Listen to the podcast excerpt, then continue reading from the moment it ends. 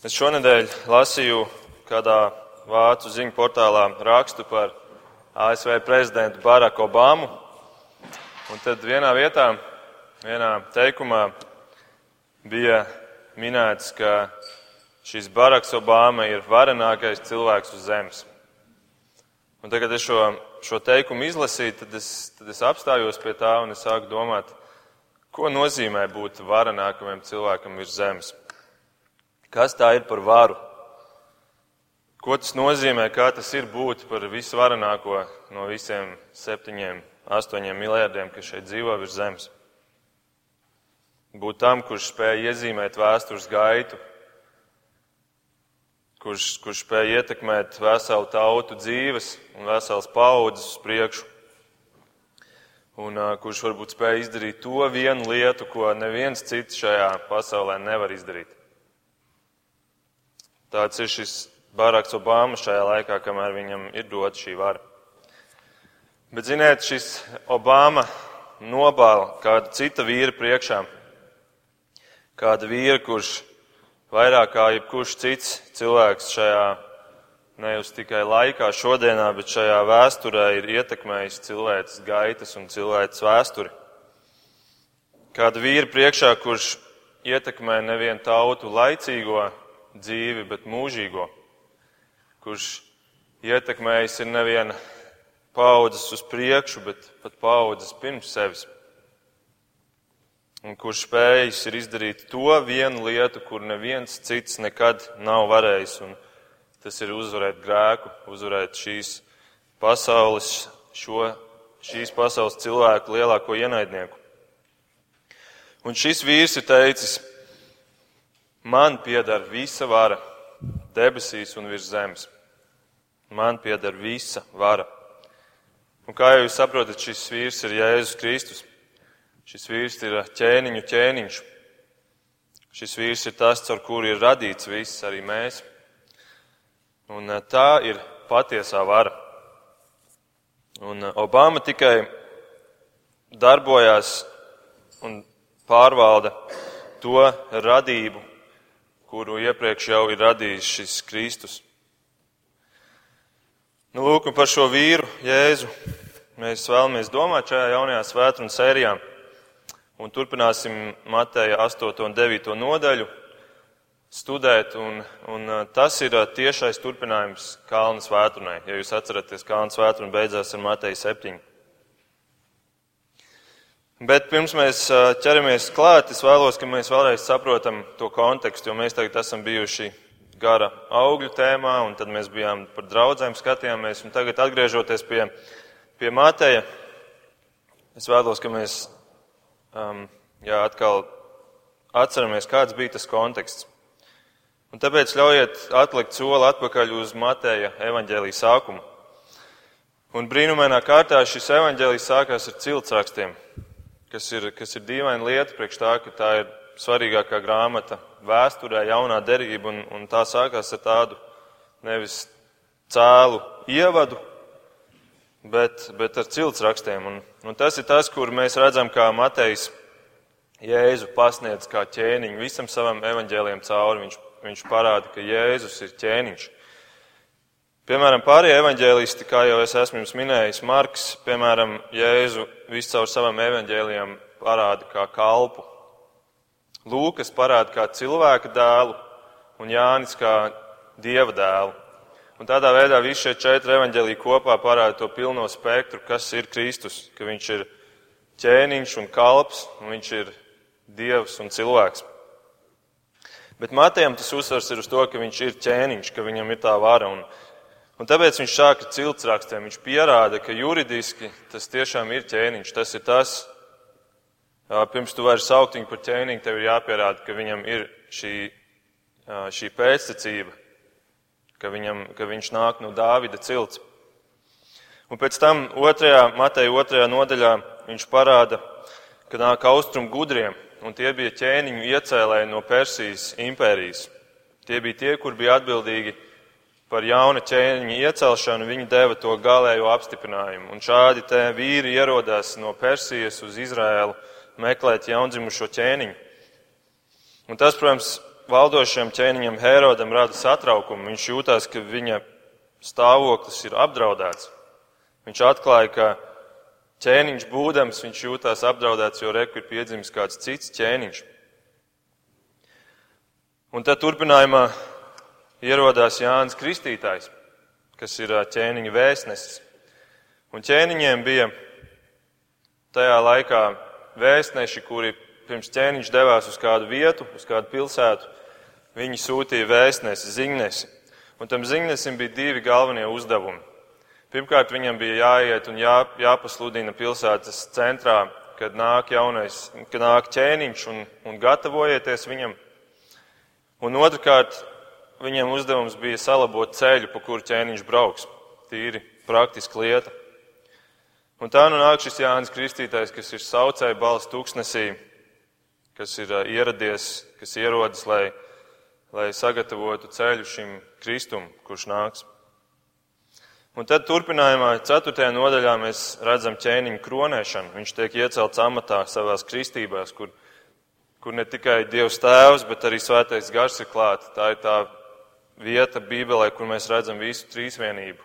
Un Tēvs saka, man ir labs prāts uz šo, uz šo vīru. Un uzreiz pēc tam jau seko pirmais atentāta mēģinājums. Sātans ierodas un mēģina apturēt jau ķēniņu, pirms viņš vispār sāk kaut ko darīt. Viņš mēģina viņu kārdināt un, un piedāvāt viņam to, lai to, kas viņu apturētu, doties savā misijā. Un tad šajā ceturtajā nodaļā Mateja evaņģēlijā viņš tomēr uzvarēja sātanu, viņš iet un viņš sāk savu misiju. Un uh, to, ko viņš tur dara, viņš diedina cilvēkus un viņš, viņš dara brīnums, un tas izveido lielu pūli. Un jau ir savācies liels pūlis apkārt Jēzum, un Un tad viņš nostājās kalnā un dod šo savu kalna svētrunas, šo, šo savu manifestu, ķēniņu manifestu. Un tad, kad viņš to ir pabeidzis, viņš turpina to, ko viņš bija 4. nodaļā sācis. Kalna svētruna ir tikai tāds iestarpinājums pa vidu. Un to mēs šodien arī redzēsim. 4. nodaļas pēdējā pantā ir teikts, ka ap viņu bija liels pūlis, un 8. nodaļas pirmajā pantā ir teikts, ka bija liels pūlis pie viņa. Tas ir turpinājums tieši tam pašam. Un tā šī Mateja, šie centieni parādīt šo Jēzu kā, kā ķēniņu turpinās līdz pat savu evaņģēlīju beigām, kur pie krūsta, pirms krūsta, Pilāts Jēzum jautā, vai tu esi ķēniņš, vai tu esi jūda ķēniņš. Uz ko Jēzus atbild, tu to saki. Un pie krūsta tiek piestiprināta zīme Inrī, kas nozīmē Jēzus nācerietis jūdu ķēniņš. Un tad Matejs noslēdz savu evaņģēlīju ar Jēzus pēdējiem vārdiem, kur viņš saka, man ir dota visa vara debesīs un virs zemes. Es esmu tas patiesais ķēniņš. Un, un kā šī vara izpaudās, kā izpaudās tā vara, kas bija Jēzus un ka viņš bija virs zemes, to mēs šajā svētdienas sērijā aplūkosim. Un kā jau minēju, Tas ir turpinājums Mateja 4, un tāpēc es aicinu aiziet, pirms mēs ejam uz Mateja 8, aiziet, atveriet Mateja evaņģēlī 4. nodaļu 23. pantu. Un tajā, tajā mēs redzam, kas bija tās trīs lietas, kuras, kuru dēļ Jēzus nāca, un kas bija viņa misijas trīs svarīgākie punkti. Tur ir teikts tā, Jēzus pārsteigāja visu Galileju, mācīdams viņu sinagogās un sludinādams valstības evaņģēliju un dziedinādams visus slimos un vārgos. Tātad Jēzus mācīja, un tā ir tā pastorālā mācība, tas nozīmē to, ko mēs šeit darām, ka mēs mācam uz draudzi, mācam draudzi, mēs mācam tos, kuri jau ir kristieši, mēs palīdzam viņiem augt. Un, un, un tas ir, tā ir arī viena no tām lietām, kas ir arī mūsu kā kristiešu uzdevums. Arī iet un mācīt to, ko mēs esam saņēmuši tiem, kur ir, kur ir ticībā jaunāki par mums. Tad otra lieta ir, viņš sludināja evaņģēliju. Tas nozīmē, tā ir tā misionālā daļa. Tas ir tas, tā evaņģelizācija, kas arī ir mūsu uzdevums kā Kristus draudzēm. Un tad tā trešā ir viņš dziedināja. Un tas tie tie dziedinošie mīlestības darbi, kas arī ir mūsu kā kristiešu uzdevums tajā vidē, kurā mēs esam. Nu, lūk, un šīs bija tās trīs lietas, ko Kristus darīja. Un tad, kad mēs nonākam mūsu astotajā nodaļā, tad tas ir tas, ko viņš turpina šeit darīt. Nu, lūk, un aiziet tad uz Mateja 8 un izlasiet ar mani kopā pirmo pantu.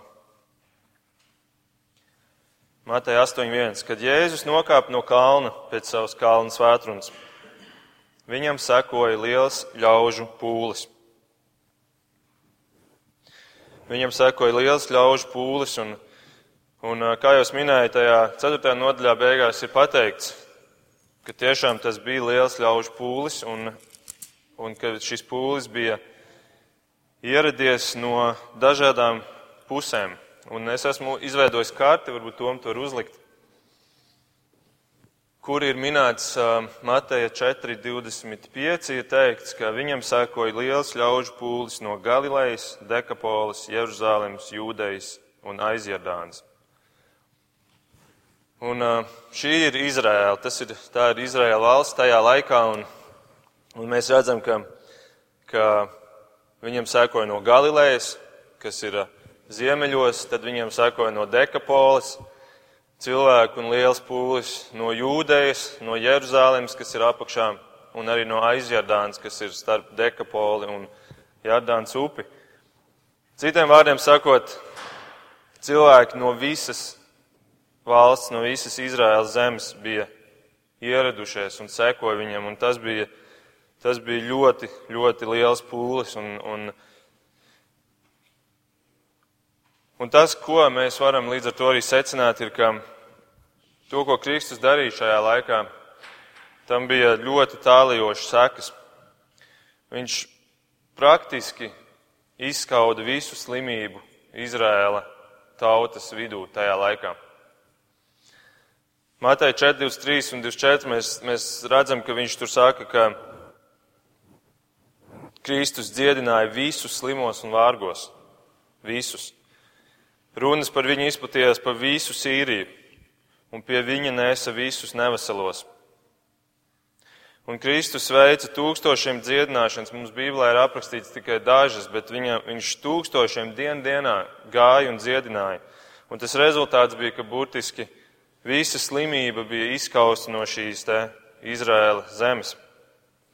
Un jūda vēsturnieks Flāvijs Jozefs, kurš arī pats bija galilietis un dzīvoja ilgu laiku Galilejā, viņš saka, ka Galileja vien bija ļoti blīva apdzīvot un ka tajā bija 204 pilsētas, neskaitot ciematus. Pilsētas, kurām vismaz bija 15 tūkstoši iedzīvotāji katrā, un līdz ar to kopā tur ir 3 miljoni cilvēku. 3 miljoni cilvēku tikai Galilejā vien. Un Kā jau jūs saprotat, tajā laikā medicīniskā aprūpe bija ļoti ierobežota. Tā nebija tādā līmenī, kā tas mums ir šodien. Un tādēļ daudz cilvēki mira pat no vienkāršām infekcijām. Nebija precāpju līdzekļu, līdz ar to slimošana bija daudz, daudz mokpilnāka nekā tas ir šodien, kur mums ir visādas tabletītes un šļircītes. Un nebija arī slimnīca, kur tu varēji vienkārši aizvest cilvēku, un viņš varēja tur pavadīt to laiku, kamēr viņš atlapst. Un tāpēc šajā, te, šajā te stāvoklī ierodās tagad Kristus, un viņš dziedina cilvēkus pa labi un pa kreisi, un visus, kas nāk, un ir skaidrs, ka pūlis metās viņam virsū. Cik daudz cilvēku tur nebija, kuriem, kuriem Kristus bija pēdējā cerība.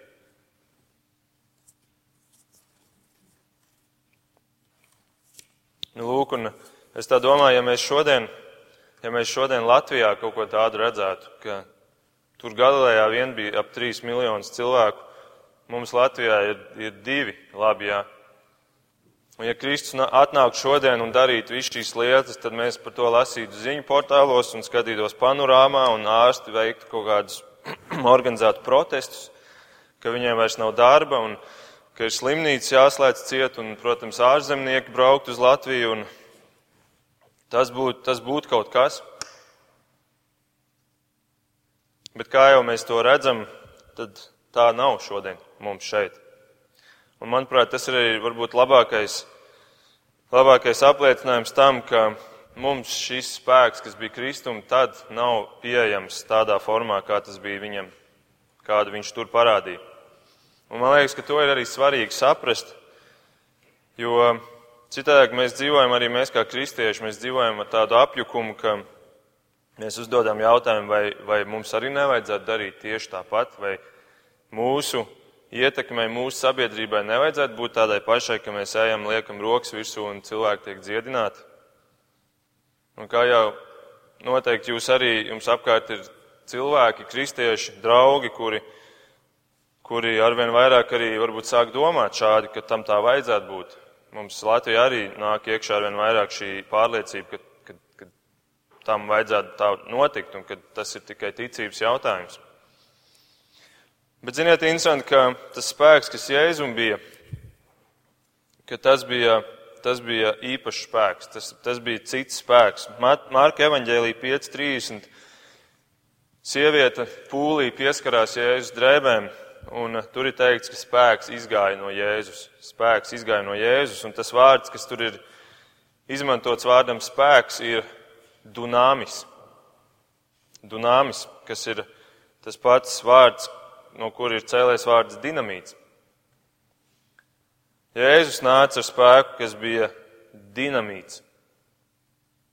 Un ja cilvēkam bija tēlēni runājot uzcelts mūris priekšā dzīvības, dzīvības straumei, un tāpēc pie viņa nenāca šī dzīvība, tad Kristus nevis jauca no šo mūri ķieģelīt pa ķieģelītiem, bet viņš pielika klāt dinamītu un uzspridzināja, un tas momentāli bija redzams šī cilvēka dzīvē. Un to mēs redzēsim šodienas šajā tekstā, ka tā, tā sekas ir, ir tūlītējas. Bet šodien mums ir citādāk. Šodien mēs redzam, ka tie, kuri apgalvo, ka viņiem ir šīs spējas tādā pašā formā dziedināt, tad tur tas parasti nenotiek uzreiz. Tur ir jāgaida, tur ir jānāk atkārtot nedēļu pēc nedēļas. Pie tam ne visu var dziedināt. Piemēram, ārējais locekļus nevar dziedināt, vai tikai iekšējas lietas. Bet Jēzus, te, kad, kas par viņu šeit ir teikts, Matei 4 ir teikts, ka viņš dziedināja visus slimos. Visi, kuri nāca, viņš nešķiroja, kurus ņems un kurus neņems, un, un viņam nekas nebija par grūtu. Viņam bija iespēja visus dziedināt. Un šodien Jēzus, protams, spēja to pašu darīt. Tas ir viņa spēks, tas ir viņa dunāmis spēks. Un viņš to var darīt, un viņš to arī dara caur lūkšanām.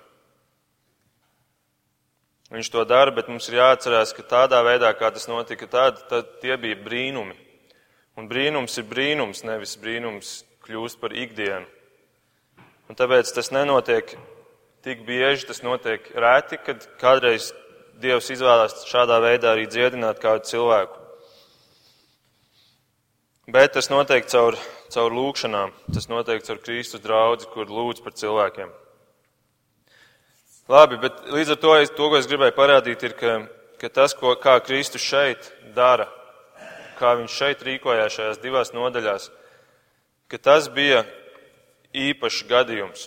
Un mums nav jājūtās, ka mums kā kristiešiem ir, ir jājūtas vainīgiem, ka mēs to nespējam tādā pašā formā viens pret vienu atkārtot. Un tas mūs aizved pie jautājuma, tad kādēļ Jēzus to vispār darīja? Kas bija tas iemesls, kādēļ Jēzus gāja un tur dziedināja? Un, protams, viens no iemesliem ir, Jēzus bija žēlsirdīgs? Un, un šajā pašā uh, spitālīgā dziedināšanā paralēlajā rakstvietā ir teikts, ka Jēzus iežēlojas par viņu. Bet ļaujiet man pajautāt, vai Jēzus šodien vairs nav žēlsirdīgs, ka tas vairs nenotiek tādā veidā. Protams, ka viņš ir žēlsirdīgs.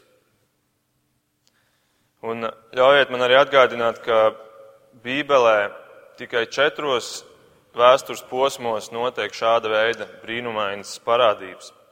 Mums varbūt šķiet, ka tas notiek visu laiku, un visu laiku Bībelē ir cilvēki, kuri dara pārdabiskas lietas, bet patiesībā tas notiek tikai četros posmos. Un uh, Tie ir vecajā derībā Elija un Elīse un, un, un, un jā, es aizmirstu otro posmu. Nu jā, Mūzes, protams, Mūzes un Ārons un trešais ir jaunā derība, kur Kristus nāk un šo dara, un ceturtais posms ir nākotne, kad Kristus atgriezīsies. Tie tie četri, bet pa vidu, pa vidu ir ļoti gari gadsimti, kur nekas tam līdzīgs nenotiek. Labi, Jēzus ir žēlsirdīgs, tāpēc viņš to dara, bet viņš arī šodien ir žēlsirdīgs, un līdz ar to tas nevar būt tas galvenais iemesls, kādēļ Jēzus to darīja tajā laikā. Vēl kāds iemesls ir, ko cilvēki min, ir, ka tas bija tādēļ, lai viņš parādītu nelielu ieskatu nākotnes ķēniņu valstībā, kas būs Kristus valstība šeit uz zemes, tūkstošu gadu miervalstība un arī debesīs, ka tā bija tāda mazs ieskats tajā, kas sekos kādreiz. Un arī tas ir pareizi, un arī to mēs varam tā pieņemt. Bet galvenais iemesls, kādēļ Kristus šo visu darīja, bija cits. Un, kā jau es minēju, man liekas, ir ļoti svarīgi to saprast, lai, lai mums nebūtu jādzīvo tādā apjukumā, kādēļ tas šodien vairs tādā formā nenotiek. Un proti, Jēzus visus šos dziedināšanas un brīnumu darbus darīja tādēļ, lai atklātu, ka viņš ir ieradies Dieva spēkā. Viņš to darīja, lai pierādītu, ka viņš ir Dieva cilvēks, kurš nāk un dara to Dieva spēkā, un ka viņš ir tas Kristus, kuru, kuru vecās derības pravieši ir sludinājuši un kuru Izraels gaida. Un, uh, par to runā daudzi, bet, uh, bet Jānim, Jānis par to varbūt visizsmeļošāk izsakās. Un es jums nolasīšu pāris raksturvietas, jūs varat nešķirt līdzi. Vienkārši paklausieties Jāņa 5.36.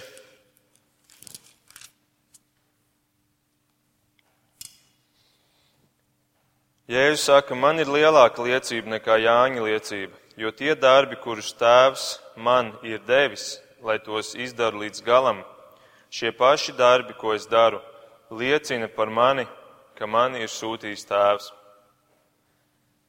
Šie darbi, kurus es daru, ja es saku, ir doti tādēļ, lai liecinātu par mani, ka man ir sūtījis tēvs. 10. nodaļā, 25. pantā. Tad Jēzus viņai sacīja, es esmu augšām celšanās un dzīvība, es atvainojos, tas ir 11. nodaļa. Tā arī ir patiesība, protams. Es jums teicu, bet jūs neticat. Darbi, kurus es daru savu tēvu vārdā, tie liecina par mani. Darbi, kurus es daru, tie liecina par mani. Un um, 32. pantā viņš turpina šo domu.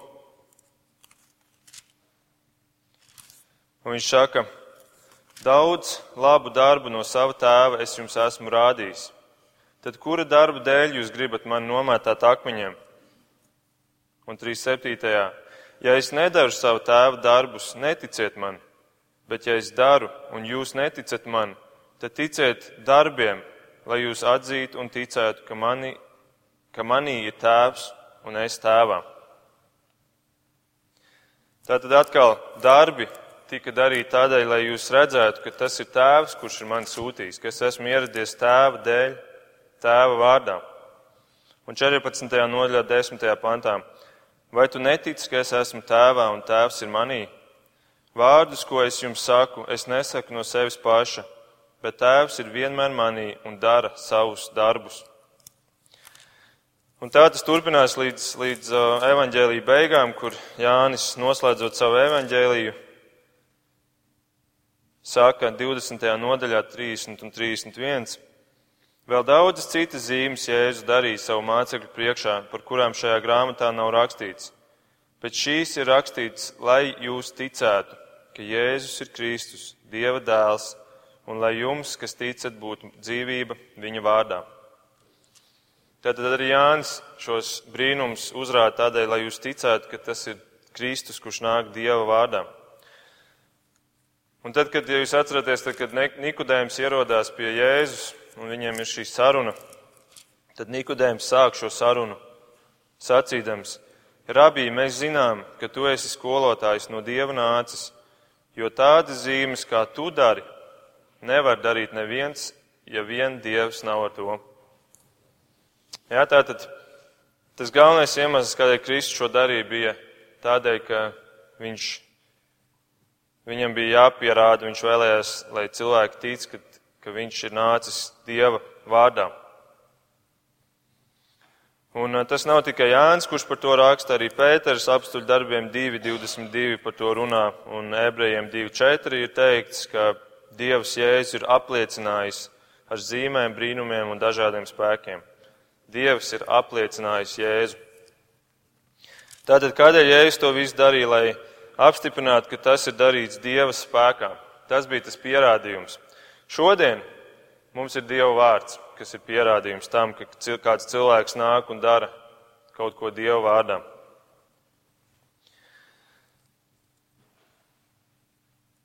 Nu, lūk, un Jēzus nāca šo visu darīt tādēļ, lai viņi ticētu, bet rakstu mācītāji un farizēji, un to mēs arī redzēsim vēlāk šajā Mateja 9. nodaļā, viņu secinājums ir, ka Kristus to visu dara sātana spēkā.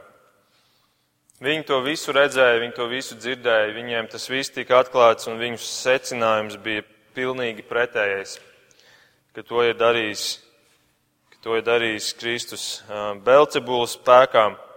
Un tādēļ pāris nodaļas vēlāk, Mateja evaņģēlijā 13. nodaļā, Jēzus pavēršās prom, pagriežās prom no jūdiem un pievēršās pagānu draudzē un sāk dibināt pagānu draudzi kura tic, un arī šodienas tekstā mēs to lasījām, kur Jēzus saka, ka daudzi nāks no, no dažādām pusēm, tie būs pagāni, un viņi sēdēs Dieva valstībā, bet jūs tiksiet izstumt ārā. Jūs, kuriem tas viss tika rādīts, viss šis, šī Izrēlā, kur jūdi dzīvoja, viņi to visu redzēja un viņi neticēja. Bet pagāni, kur to pat nebūs redzējuši, un viņi ticēs, un jūs esat daļa no šiem cilvēkiem. Jūs esat daļa no tā piepildījuma, ko Kristus šeit šodienas tekstā pravietoja. Nu, lūk, Matejs tātad saka, ka daudzi tiek, tiek dziedināti, un, un uh, tie bija tūkstošiem, bet viņš izceļ trīs piemērus. Viņš izceļ šajā astotajā nodaļā šos trīs piemērus, un visi trīs piemēri ir cilvēki, kuri ir jūdu sabiedrības zemākā slāņa pārstāvi.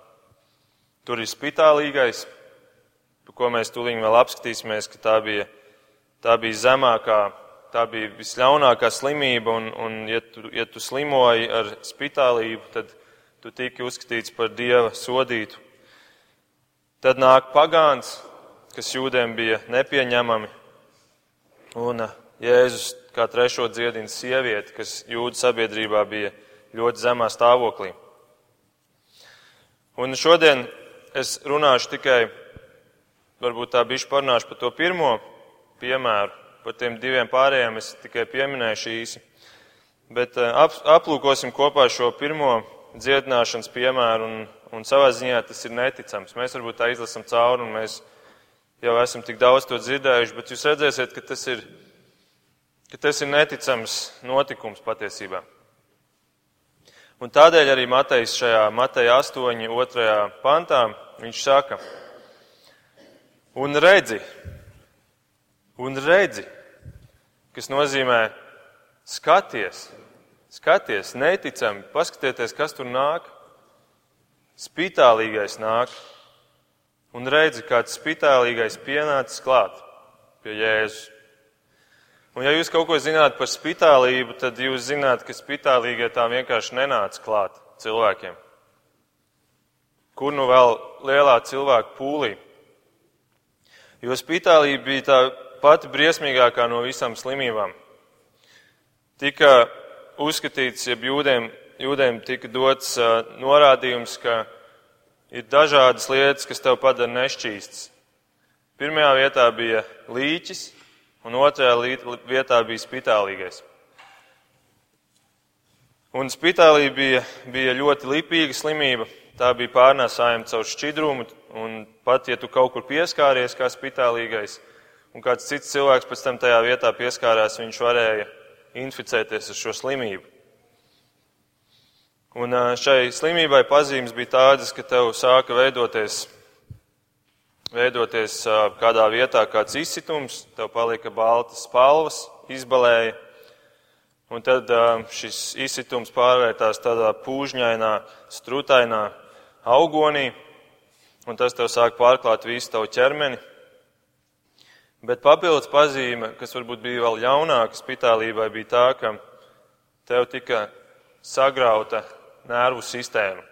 Un tas nozīmē, ka viņi vairs nejūta, cik viņi, viņi nejūta vairs, kādā veidā viņi, piemēram, pieskarās priekšmetiem. Viņi pārāk stipri sāka kasīt savu degunu, sāka kasīt kādas citas vietas, un viņiem nodila pirksti, viņiem nodila deguni, viņiem nodila kāju pirksti, viņi uzsita kāju pret kādu priekšmetu un paši to nemaz nejūta, un tur sāk veidoties um, veidoties pušumi, kuri pēc tam pārvērtās um, jā, augoņos un tā tālāk. Var sakot, tā bija, tā bija briesmīga slimība, un no viņas tik dziedinātam bija, bija ļoti rets, reti gadījumi, kad, kad kāds, kāds cilvēks arī no tā izārstējās, un tāpēc jūdi bija šo spitālību paņēmuši kā tādu simbolu grēkam. Un tas bija varbūt pat pats ļaunākais šajā visā, ka tie cilvēki, kuri inficējās ar šo spitālību, viņi sabiedrības acīs bija tie, kuri tika saukti par dievu sodītajiem. Un viņi tika izmantot kā tas piemērs, kur tu parādi, kāds ir grēks, ka tu pats ar viņu nevar tikt galā, ka tas tevi, tevi sagrauj un pazudina. Un trešā mūzes 13. nodaļā ir plaši aprakstīts, kā rīkoties ar cilvēkiem, kuriem ir šīs spitālības pazīmes. Tur, piemēram, ir minēts, ka tam, kuram, kurš redz, ka viņam paliek balta spalva, viņam ir jādodas pie priestera atrādīties. Pēc tam priesteris viņu septiņas dienas ieslēdz izolētā telpā. Pēc septiņām dienām viņš iet un atrādās vēlreiz priesterim, un viņš skatās, vai tās pazīmes ir attīstījušās vai nē, un tad Tas priesteris ir tas, kurš beigās viņam nosaka, vai viņš ir nešķīsts vai nē. Un tad 45. un 46. pantā ir minēts, kas notiek ar tiem, kuri tiek atzīti par nešķīstiem. Un paklausieties. Spitālīgais, kam sērga, viņa drānas, lai tiek saplēstas, viņa galva, lai ir nes, nesukāta, viņa augšlūpa, lai ir apsekta, tad viņam ir jāizklāj mute, un viņš lai kliedz nešķīsts, nešķīsts. Visu laiku, kamēr viņam ir sērga, tas paliek nešķīsts. Viņš ir nešķīsts, lai dzīvo viens, mīteklis tam, lai ir ārpus nometnes. Tad ir cilvēks, kurš bija inficējies ar šo slimību, varbūt pat netīšām kādā gadījumā Tas bija, tas bija pats šausmīgākais, kas varēja notikt. Tu tiki izolēts no ģimenes, tev bija jādzīvo ārpus pilsētas, tev bija visur, kur tu ej, tev bija jākliedz nešķīsts, nešķīsts. Un tas bija, tas bija kaunpilnākais stāvoklis, kādā tu varēji atrasties. Un mēs pirms pāris nedēļām ar ģimeni bijām medicīnas muzejā Rīgā. Un, uh, tur arī bija izstādīts viduslaiku um, visādi visādas tur lēles, kuras, kuras attēloja tā laika stāvokli, un tur bija arī šāds spitālīgais minēts. Un viņiem bija rakstīts, ka viņiem bija vēl tāds klaburs vai arī zvaniņš, un visur, kur viņi gāja, viņiem bija jāpadara par sevi zinām, ka reku viņi ierodās un, un, un lai vispārējie uzmanās. Tad tas bija milzīgs kauns un, un Un tas bija briesmīgs stāvoklis, un tu biji izolēts no visas sabiedrības. Un tad bija kādi žēlsirdīgie, kur nesa viņiem ēdienu uz, uz šīm apmetnēm, kur viņi dzīvoja ārpus pilsētas. Un šo visu zinot, izlasiet vēlreiz šo otro pantu, kur Matejs saka, un redzi, kāds spitālīgais pienācis klāt. Šajā lielajā pūlī šis spitālīgais, viņš pienāk klāt pie Jēzus.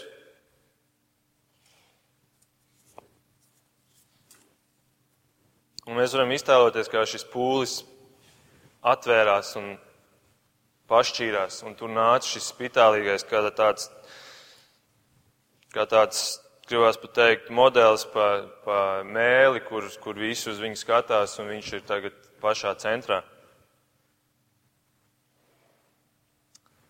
Bet šis spitālīgais ir tik skaists piemērs un tik skaists simbols tam, ko nozīmē patiesa atgriešanās pie Kristus.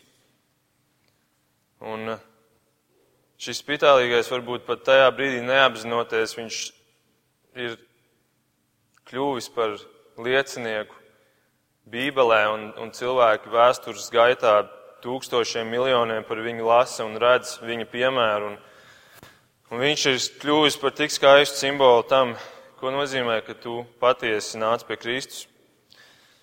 Jo šim cilvēkam viņam ir viena alga, ko cilvēki domā. Viņam ir viena alga. Viņam ir svarīgs tikai Dievs. Viņš skatās tikai uz Kristu un viņam ir svarīgi, ko Dievs par viņu domā.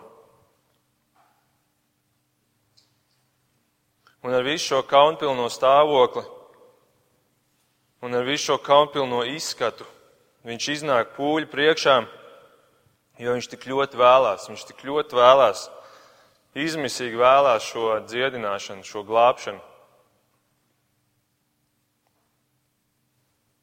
Un viņš nāk ar patiesu attieksmi pret Kristu. Viņš nevis tikai atnāk, bet viņš nometās ceļos un viņš viņu uzrunā kā kungs.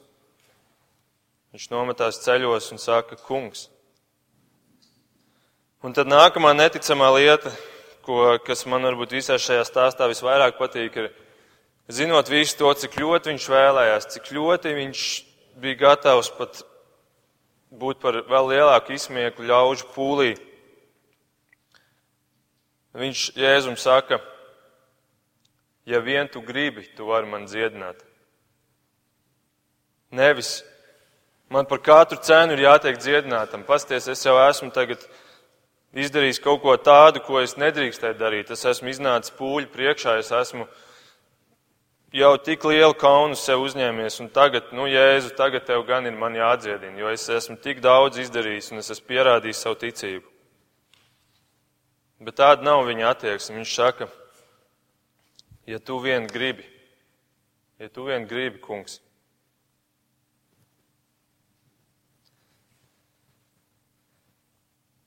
Un laikam šis spitālīgais bija dzirdējis, ko Jēzus teica Kalnu svētunā. Viņš iespējams turpat kaut kur bija klāt un dzirdēja, kā Jēzus mācīja, kā mums būs Dievu lūgt, ka mums būs teikt mūsu Tēvs debesīs un sākt ar to, ka mēs pasakam, lai notiek tavs prāts, un tikai tad mēs nākam ar mūsu vēlmēm un vajadzībām.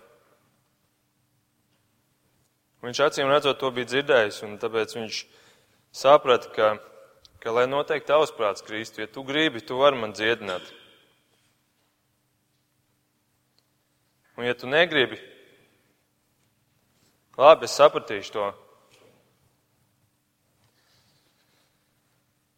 Un tad notiek nākamā neticamā lieta. Jo Jēzus nevis tikai pasaka, es gribu tevi dziedināt, un fuš, ar vārdu es tevi dziedinu, bet viņš viņam pieskarās. Un es varu iedomāties, kāds tad bija, kāds tad bija izbrīns un šausmināšanās pūlī, kad Jēzus pieskarās nešķīstajiem, spitālīgiem. Jēzus, kurš tagad pēc tam ies tālāk un liks savu roku vēl, vēl simtiem citu, viņš pieskarās šim nešķīstajam. Bet uh, tur ir tas dunāmis spēks, kurš momentā iznīcina visu nešķīsto pirms nešķīstais spēja padarīt Kristu nešķīstu. Un tur ir teikts, un tūlīt viņš tapu šķīsts no savas spitālības. Tūlīt ar visu to izskatu, kāds viņam bija, viņš kļūst šķīsts. Un tāds spēks ir tikai Kristum. Un to mēs šodien nekur neredzam tādā formā, bet, bet arī, ja viņš gribētu, viņš to varētu arī šodien darīt. Bet Viņš to darīja tādēļ, lai liecinātu par to, ka viņš nāk Dieva spēkā, jo to izdarīt varēja tikai Dievs. Un tad šis stāsts noslēdzās ar vēl vienu neticamu lietu. Pēc visa šī apbrīnojamā notikuma, pēc šīs dziedināšanas, kur šis vīrs tiek dziedināts no savas, savas drausmīgā stāvokļa, Kristus viņam saka, tikai tagad nē un nestāst nevienam to. Pielūko nevienam to nestāst. nevienam to nestāst. Un tad ir jautājums, kāpēc viņš to teica, un, un tur versijas ir dažādas, bet es piekrītu tam, ka, protams, viņš to teica arī tādēļ, lai, lai nenāktu vēl lielāks pūlis. Bet es domāju, tas galvenais iemesls ir tas, ko viņš arī šeit pasaka, ka ej un atrādies vispirms priesteriem. Dari tā, kā Mūzes ir noteicis, dari tā, kā Dieva vārds ir noteicis, dari to, kas tev ir jādara, ja tu gribi būt paklausīgs evaņģēliem un likumam. Parādi, pierādi man tagad to ar savu ticību un, un, un dari to tā, kā to ir noteicis um, Dieva likums. Un kādēļ? Tādēļ, ka, ja tu iesi vispirms un stāstīsi cilvēkiem, tad cilvēki tik tālu par to aizrunāsies, ka par to uzzinās arī priesteri. Un tagad priesteris dzirdēs, ka tas ir šis atkal Jēzus, kurš ir izrādī, iz, izdarījis šo brīnumu.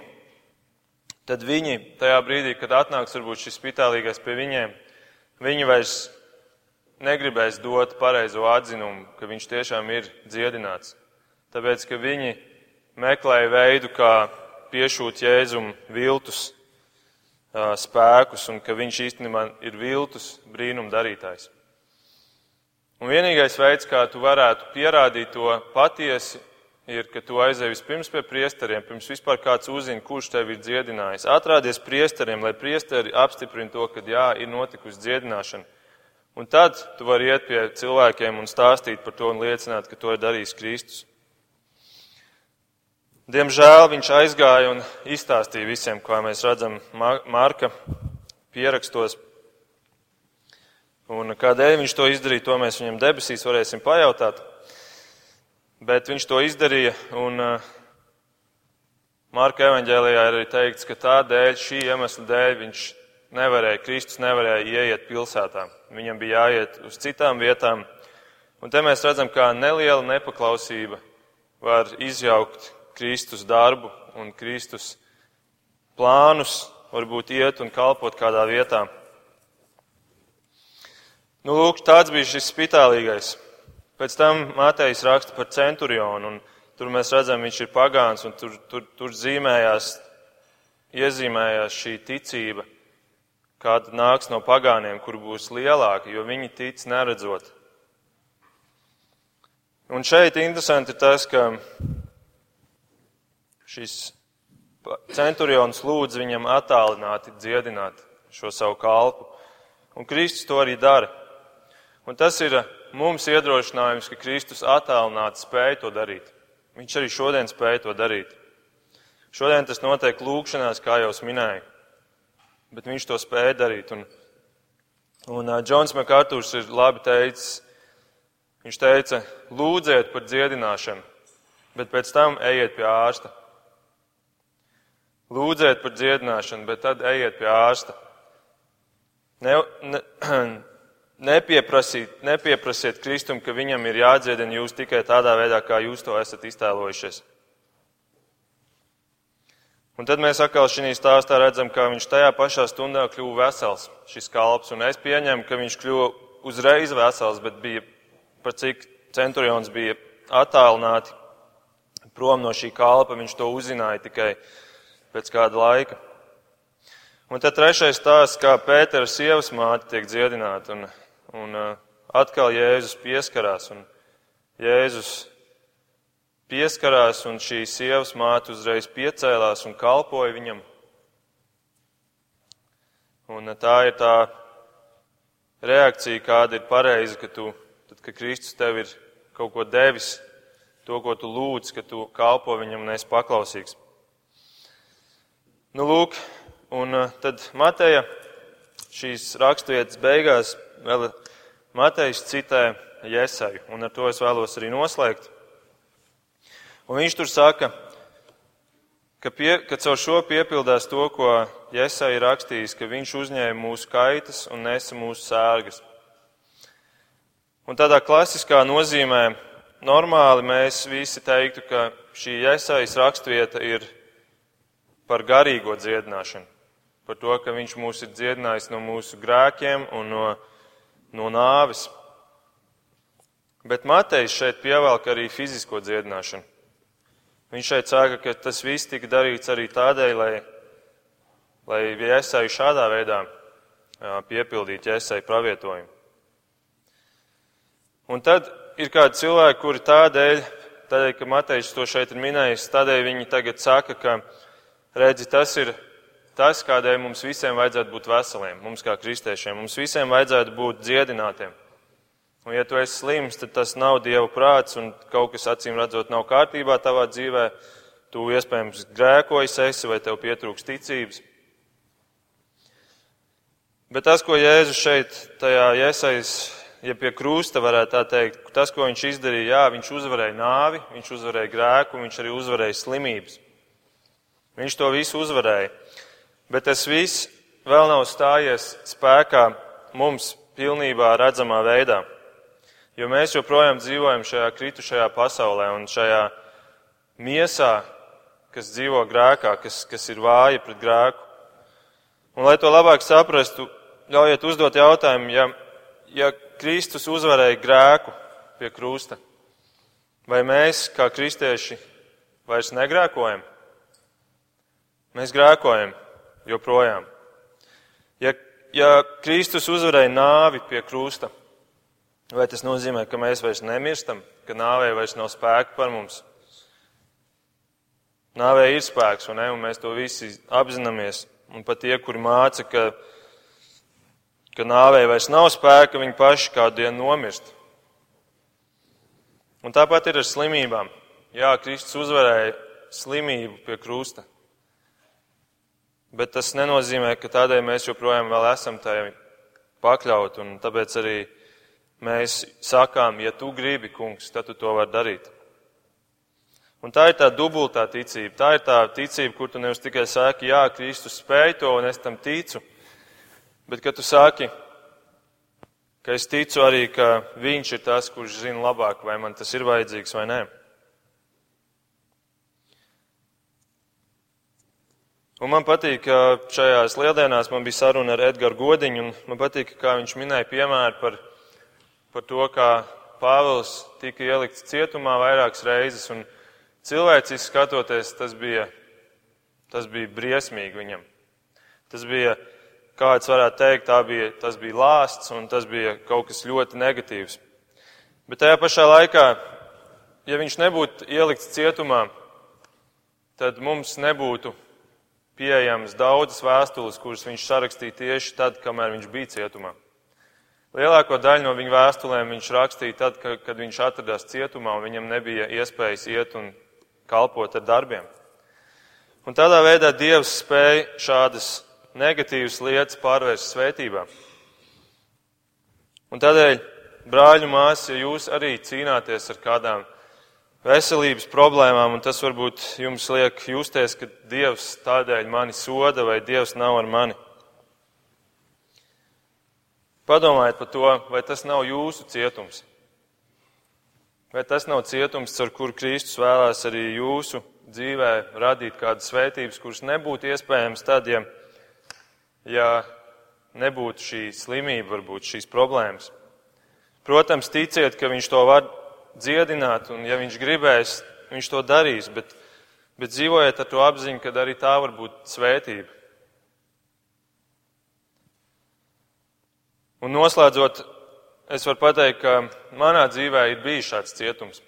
Pirms pieciem gadiem es satraumēju futbolu spēlējot savu cēli diezgan smagā veidā, un, un man, tas bija, man tas bija tāds smags posms dzīvē, kur es uzdevu jautājumu, kāpēc Dievs to dara, kāpēc Viņš to ir pieļāvis. Un, un es pat meklēju visādus veidus, kā, kā gūt iedrošinājumu, ka Dievs mani grib dziedināt man nāca cilvēki, lika rokas uz ceļa un lūdza par mani, un, un, un cilvēki, kur ticēja, ka, ka tas Dievs var dziedināt mani momentāli. Bet nekas nepalīdzēja. Es gāju pie vakarēdiena, kur um, vēl iepriekšējā konfesijā, kurā es biju, kur, kur es ticēju, ka tur ir Kristus miesa klātesoša, un es viņai varu pieskārties caur šo vakarēdienu, un varbūt tādā veidā es varu tikt dziedināts. Arī tas nepalīdzēja. Es dabūju pēc tam grāmatas, kur man cilvēki mēģināja iedrošināt, ka, ka ticība ir tas jautājums, kur tev vajag palielināt tavu ticību. Un, un es, es gribot Dievam pierādīt, ka ar visu savu spēku es ticēšu tev un es darīšu visu, ko vien es varu, lai pierādītu tev. Es izgāju laukumā ar savu, savu celi un teicu, es iešu, es ticēšu, ka tu man vari dziedināt un es tev pierādīšu, es vienkārši iešu un spēlēšu futbolu. Un tādā veidā savu celi vēl vairāk sabojāju. Un es pat biju sadrukājis krēkliņu, kur man bija rakstīts Healed by Jesus. Jēzus dziedināts, lai tajā brīdī, kad man notika šī, šī dziedināšana, es varētu novilkt šo krēklu un visiem apliecināt, ka tas ir darīts Kristus spēkā. Un es tādā veidā, es, tas bija laiks, kad es vēl, kad, kad es vēl nebiju drošs par to, kam ticēt. Un uh, caur šo cietumu, caur šo nelaimi, caur šo smago, varbūt dzīves posmu, Dievs manī pārvērta šo negatīvo lietu kaut kādā svētībā, tajā, ka es, piemēram, šodien varu stāvēt jūsu priekšā un caur šo negatīvo piemēru man sākās atmoda manā dzīvē. Un, un, un ko es ar to gribu pateikt, ka, ka arī šīs slimības var būt par svētību. Un ka Kristus var tās dziedināt, bet mūsu attieksmē ir jābūt, ka tu esi kungs ķēniņ, ķēniņš, un tu zini labāk, Un ka varbūt man pat šī, šis stāvoklis, kurā es esmu, varbūt man pas, tas pat ir par svētību, un varbūt pat ne tikai man, bet tas būs par svētību daudziem citiem cilvēkiem. Un lieto tu to, un, un lai noteikti tavs prāts, pirms es lūdzu, lai noteikti mans prāts. Lūksim Dievu!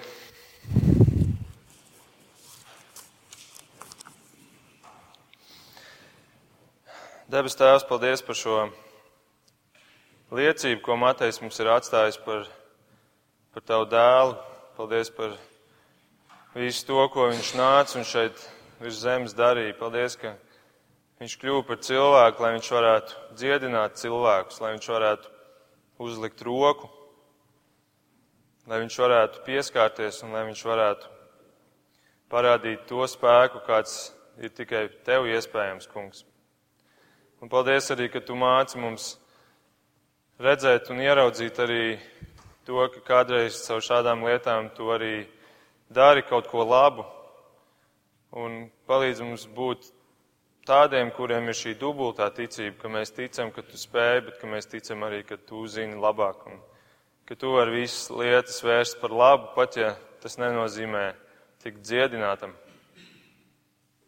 Paldies, Tev, kungs! Un Paldies, ka Tev ir visa vara. Palīdz mums to saprast kaut nedaudz, lai mēs arī savā ikdienā varam dzīvot kā tādi, kuri lieto šo varu, kuru Tu esi arī nodevis mums. Lai Tev ir gods un pateicība un slava. To mēs lūdzam Jēzus vārdā. Āmen.